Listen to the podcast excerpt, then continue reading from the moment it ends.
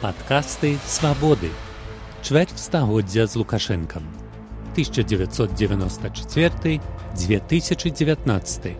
Серыя Сергея Навумчыка, прысвечаная апошнім 25 гадам найноўшай гісторыі Беларусі.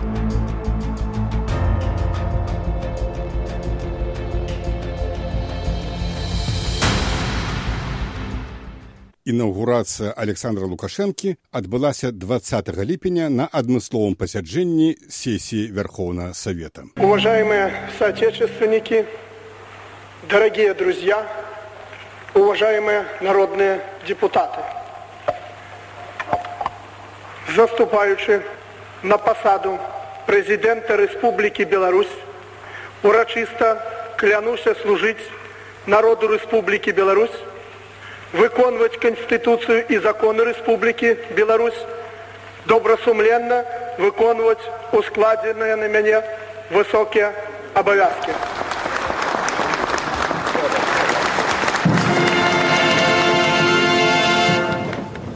На інаўгурацыйным пасяджэнні вярхоўнага савету выступіў лідар апазіцыі БНФ Зянон Пазняк.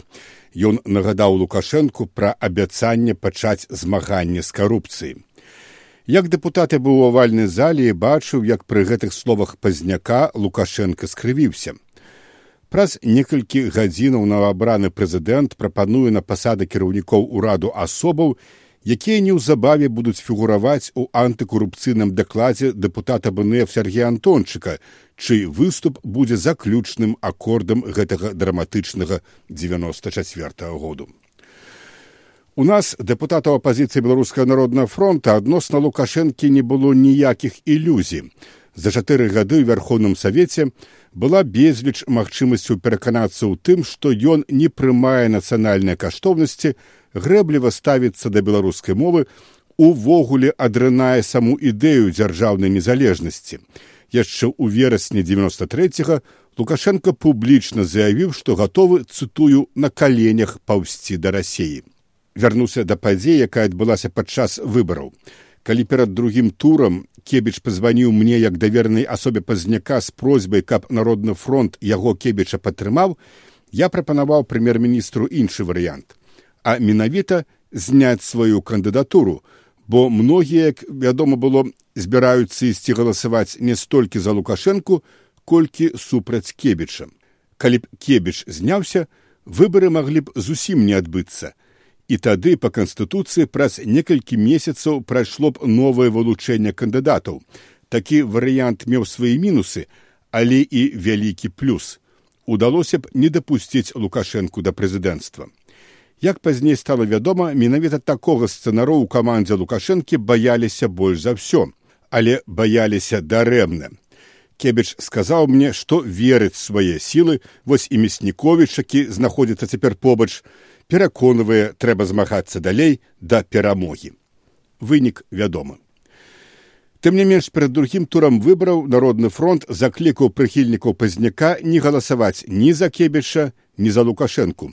Але доступ лідараў бнф да дзяржаўных сродкаў масавай інфармацыі быў абмежаваны і многія ішлі галасаваць за лукашэнку кіруючыся адным абы не кебіч ну а сама ідэя каштоўнасці незалежнасці тады ў девяносто четвертым у свядомасці значнай часткі насельніцтва была зноў жа дэвальваваная падкантрольнымі кебічу сродкамі масавай інфармацыі, якія пачынаючы недзе ад девяносто другого году апрацоўвалі насельніцтва ў духу лёзунгаў, што нібыта незалежнасць і дэмакратыя гэта прычыны эканамічных праблемаў, што без рассеі нам не пражыце гэтак далей.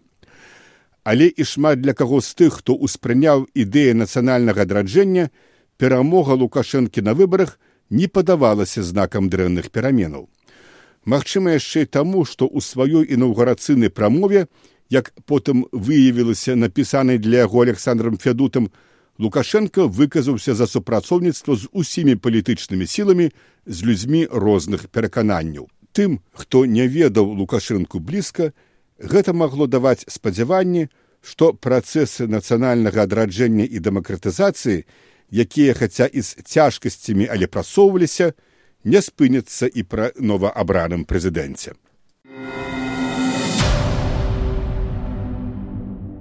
Зараз некалькі эпізодаў першых тыдняў новаабранага прэзідэнта. Паслухаем фрагмент канцэрту, які трансляваўся па дзяржаўным тэлебачанні праз тыдзень пасля інаўгурацыі. 27 ліпеня 94 году у дзень незалежнасці. Добрый вечар беларусы, добрый вечар паважаныя тэлегледачы. Сёння вялікае свята, дзень незалежнасці нашай рэспублікі, нашай магутнай духам Беларусі. Наш чацвёрты дзень незалежнасці мы сустракаем з першым прэзідэнтам дзяржавы. Спадзяемся і верым, што ў хуткім часе мы будзем жыць добра. І таму сённяшні канцэрт віншавання маладая Беларусь мы прысвячаем менавіта гэтай падзеі.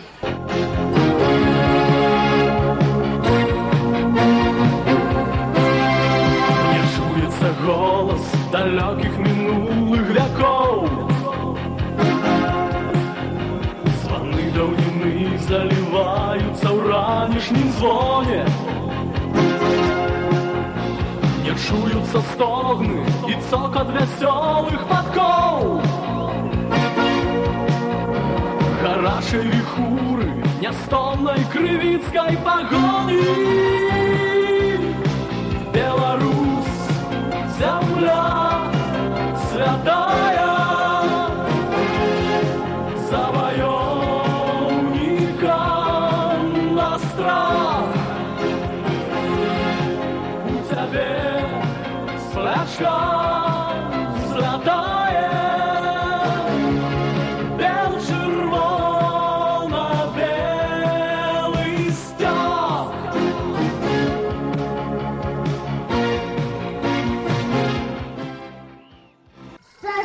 Кахання і веры.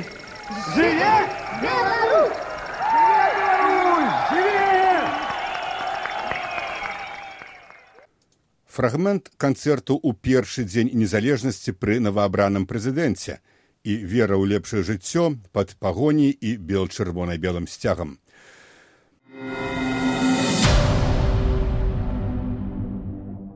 Спачатку менавіта ў доме ўрада размяшчалася прэзідэнцкая адміністрацыя, у тым самым крыле, дзе быў пры кебічу савет міністраў. А сам прэзідэнт заняў кабінет кебіча на другім паверсе.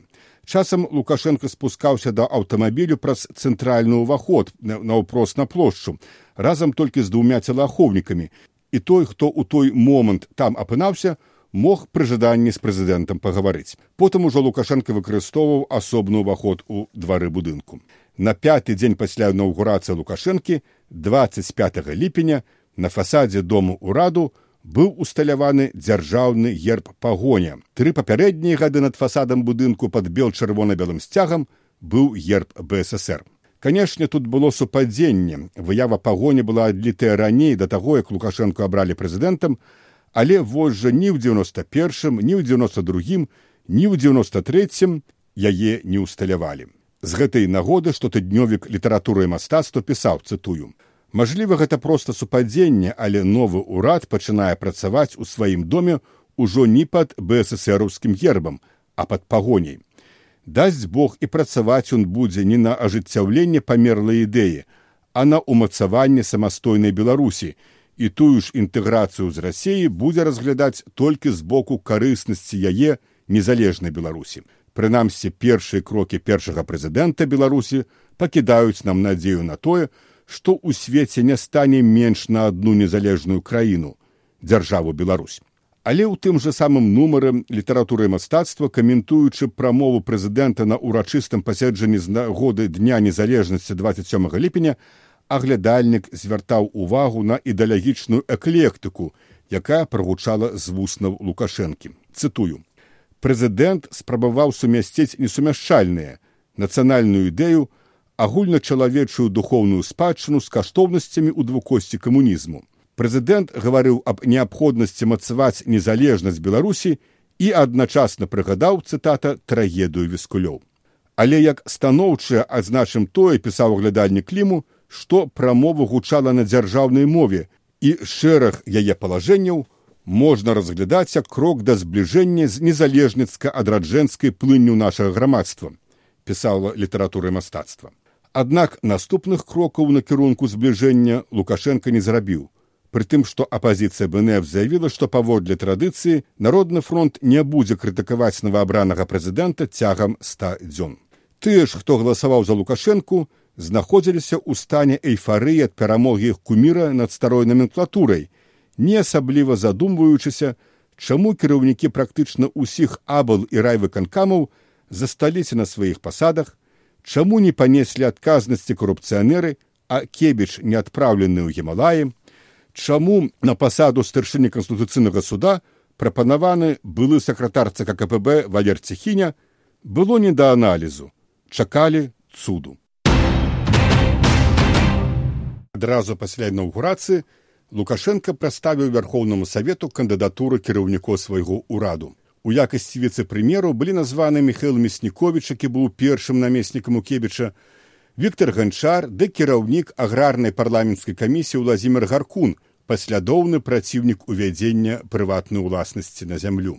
Адносна новай фігуры быў хіба прэм'ер-міністр Михаил Чгір. Ужо ў верасні ўрад Чгіра прадставіў эканамічную праграму, у распрацоўцы якой браў удзел і старшыня нацыянальнага банку станіслав богданкевич гэта была праграма неадкладных захадаў па выхаду эканомікі рэспублікі беларусь з эканамічнага крызісу. Вось некаторыя асноўныя палажэнні праграмы. Аздараўленне фінансавай і грашова-крэдытнай сістэмаў праз жорсткую грашова-крэдытную палітыку пераход да новага бездадацыйнага механізму цэнаўтварэння і рэгулявання цэнаў лібералізацыю умоў знешнеэканамічнай дзейнасці і стабілізацыя курсу нацыянальнай валюты і скарачэнне да мінімуму крэдытавання дэфіцыту бюджэту нацыянальным банкам. Выказваючы заўвагі па асобных палажэннях, дэпутаты у тым ліку і апазіцыі ў цэлым станоўча ацанілі прапанаваныя ўрадам крокі. Вярхоўны савет падтрымаў праграму. Але быў у праекце пастанова аб увядзенні ўдзеяння праграмы, які ўнёс новаабраны прэзідэнт адзін пункт, з якім дэпутаты не пагадзіліся. Гучаў ён гэтак вызначыць, што да ўнясення зменаў і дапаўнення ў адпаведныя законы і іншыя акты вярхоўнага савета Рэспублікі Беларусь, якія супярэчаць канстытуцыі палажэннем гэтай праграмы, прымяняюцца указы распараджэнні прэзідэнта Рэспублікі Беларусь. Канец цытаты. Гэта азначала, што Лукашенко атрымоўваў права прымаць супярэчныя канстытуцыі рашэнні, прычым не ўзгадняючы іх з вярхоўным саветам, што ставіла прэзідэнта над парламентам і над канстытуцыяй. Такога права вярхоўны савет лукашэнку даць натуральна не мог. Што адразу і выклікала з боку лукашэнкі абвінавачванні ў адрас дэпутатаў, маўляў, яны мяшаюць, перашкаджаюць. Вось менавіта тады ў народ была запушчаная тэза, якая трымалася шмат гадоў і падтрымлівала рэйтынг лукашэнкі ў неспрыяльных для яго сітуацыях. Лукашенко хорошы, але яму мяшаюць. У першыя месяцы прэзідэнцтва Лукашэнкі былі некалькі сюжэтаў, пра якія варта распавесці больш падрабязна. Праз некалькі дзён пасля інаўгурацыі ў ліпені 94 дэпутаты вярхоўнага савета атрымалі магчымасць пазнаёміцца з праектам дамовы паміж Беларусію рассеяй. Аналітычная група ценевага кабінету апазіцыі БНФ вывучыла праект і прыйшла да высновы, што ён ставіць краіну ў палітычную, вайсковую ды эканамічную залежнасць ад Масквы памятаючы што ў сваёй інаўгурацыйнай прамове лукашенко заклікаў розныя палітычныя сілы да супрацоўніцтва ў імя беларусі эксперты ценевага кабінету падрабязна па пунктах выказалі свае прапановы адносна праекту дамовы.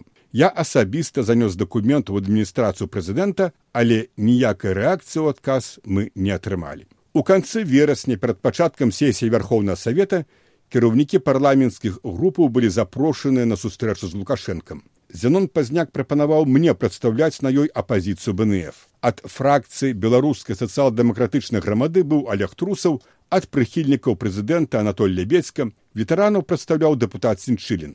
Таксама прысутнічаў на сустрэчы дарацца прэзідэнта посахаў. Гутарка цягнулася хвілінаў 40. Мы выклалі сваё бачанне развіцця Беларусі, Лукашенко выказаў сваю пазіцыю. Між іншым у адказ ці то на мае ці то алега трусава слова пра неабходнасць падтрымкі беларускай мовы лукашенко сказаў што і сам заклапочаны яе лёсам што абодва ягоныя сыны вучыліся ў беларускіх школах а цёшча дык і выкладала беларускую мову. Пра тую сустрэчу адразу далі рэпартаж па дзяржаўным тэлебачанні выглядае каб паказаць што прэзідэнт шукае шляхі супрацоўніцтва з рознымі палітычнымі сіламі Аднак гэтай сустрэчы супрацоўніцтва фактычна і абмежавалася. Далей ужо было супрацьстаянне лукашэнкі з парламентам, які не пагаджаўся даць яму фактычна неабмежаваныя канстытуцыі паўнамоцтвы, пра што я казаў раней. Але пік палітычнага напружання быў дасягнуты пад самы канец 94 -го года, калі вярхоўны савет заслухаў даклад дэпутата Сергея Антончыка пра карупцыю ў атачэнні прэзідэнта. 8 лістапада апазіцыі БНФ удалося ўнесці ў парадак дня сесіі пытання аб інфармацыі дэпутата Сергея Антончыка, што ў лісце да спікера парламента Мечыслава Грыба Лукашенко ацаніў як цытую палітычны выпад апазіцыі напярэдадні маючых адбыцца парламенцкіх выбараў. Антончык выступаў з дакладам 20 снежня, а да гэтага адбылося некалькі падзеяў, якія сведчылі пра крызіс у камандзе лукашэнкі у кастрычніку адпаведнасці з праграмай неадкладных захадаў па выхаду з эканамічнага крызісу спынілася дзяржаўнае рэгуляванне цэнаўтварэння і цэны некаторыя прадукты падскочылі. Гэта рэзка кантраставала з перадвыбарчымі абяцаннямі лукашэнкі спыніць рост цэнаў. Неўзабаве лукашенко выступіў па тэлебачанні і наўпрост загадаў ураду вярнуць цэны назад. Не спраўдзіўся такім чынам прагноз публіцыста Анатоля Майсені, які ў часе выбараў выказаў спадзяванне, што па прыкладзе леха валенцы Лукашенко сваёй шырокай спіны сваім крэдытам даверу абароніць непапулярныя балючы, але нагэтулькі патрэбныя для аздараўлення эканомікі рэформы. Уласны палітычны рэйтынг аказаўся куды важнейшы, чым эканамічныя рэформы. 12 снежня пра сваю адстаўку з пасады віцэ-прэм'ера заявіў Віктор Ганчар, матывуючы свой учынак уплывам на лукашэнку вузкага колу людзей. Нягледзячы на спробу лукашэнкі пераканаць кіраўніцтва вярхоўнага савета ў нематазгоднасць выступа антончыка 20 снежня дэпутат усё ж узышоў на парламенцкую трыбуну. У сваім выступе антончык заявіў, што вакол лукашэнкі сфармаваліся, як он выказаўся чатыры мафіозныя кланы аграрны, прамысловы, гандлёвы і чарнобыцкі. Былі названыя імёны кіраўніка адміністрацыі прэзідэнта Леоніда Сініцына, кіраўніка справамі прэзідэнта Івана Цяцянкова, прэм'ер-міністра Михайла Чигера, міністра обороны Анатоля Кастэнкі, сакратара рады бяспекі Віктора Шеймана ды іншых. Калі Сергей Антончык прамаўляў, Александр Лукашенко за сваёй прэзідэнцкай трыбунай выціраў слёзы. Гэта бачылі ўсе, хто сядзеў той момант у авальнай зале, але не ўбачылі мільёны патэнцыйных тэлегледачоў, бо трансляцыя дакладу Сергея Антончыка была прэзідэнцкай адміністрацыі забароненая. Тым не менш дэпутат апазіцыі БНФ Ігар Герменчук надрукаваў фотаздымак плачучага лукашэнкі ў газеце свабода. Праз 22 гады ў гутарцы журналістка радыёсвабода Ганны Соус Сергей Антончык гэтак прыгадае свой даклад. Ну справа тым, што я ў сваім дакладзе паказаў сістэму, што вся сістэма, якая была і нас засталася. Выступ Сергея Антончыка мог бы абрынуць рэйтынг лукашэнкі ў снежні 94 і паўплываць на вынікі парламенцкіх выбараў у наступным 95 годзе, але гэтага не здарылася па той самай прычыне, па якой годам раней рэйтынг лукашэнкі ўзляцеў пасля антыкорупцыйнага дакладу. Скажу болей, калі б лукашенко апынуўся ва ўмовах, якія былі створаныя для антончыка, Зусім верагодна, што прозвішча першага прэзідэнта Рэспублікі Беларусь было б іншым. Што да Сергея Антончыка, дык ягоны выступ на сесіі па тэлебачанні і парады не трансляваўся. Інфармацыя пра даклад у дзяржаўных сродках масавай інфармацыі была ўвогуле пададзеная выключна праз ацэнкі з пункту гледжання прэзідэнцкай адміністрацыі, якая абвінаваціла антончыку палітыканстве і спекуляцыі неправеранымі тэндэнцыйна падабранымі фактамі. Ну а потым адбылося тое, чаго ў гісторыі Беларусі ніколі не было. У газетах з'явіліся белыя плямы. Вярхоўны савет прагаласаваў за тое, каб даклад Антончыка быў апублікаваны ў дзяржаўнай прэсе. Аднак кіраўнік адміністрацыі прэзідэнта Леонид Сініцын даў указанне начальніку ўправлення інфармацыі Александру Фядуце забараніць публікацыю. Федута перадаў распараджэнне ў рэдакцыі, а потым падаў у адстаўку. Газеты савецкая Беларусі звязда ды іншы выйшлі з белымі плямамі. На палосах быў толькі загаловак даклад дэпутата вярхоўнага савета Сергея Антончыка. Газета свабода, якую рэдагаваў ігор Герменчук, надрукавала даклад цалкам, што прынесла для герменчука і рэдакцыі непрыемныя вынікі, але гэта ўжо сюжэт наступнага 95 -го года. Ну а 94 першы год прэзідэнцтва лукашэнкі скончыўся ўвядзеннем цэнзуры і пачаткам супрацьстаяння прэзідэнта з парламентам, які хаця і дапрацоўваў, як тады здавалася апошнія дні, але нягледзячы на партыйнае разыходжанне, выступаў у абарону канстытуцыі. Падкасты свабоды. Чвэрць стагоддзя з лукашэнкам. 1994-2019. Серыя Сергея Навумчыка, прысвечаная апошнім 25 гадам найноўшай гісторыі Беларусі.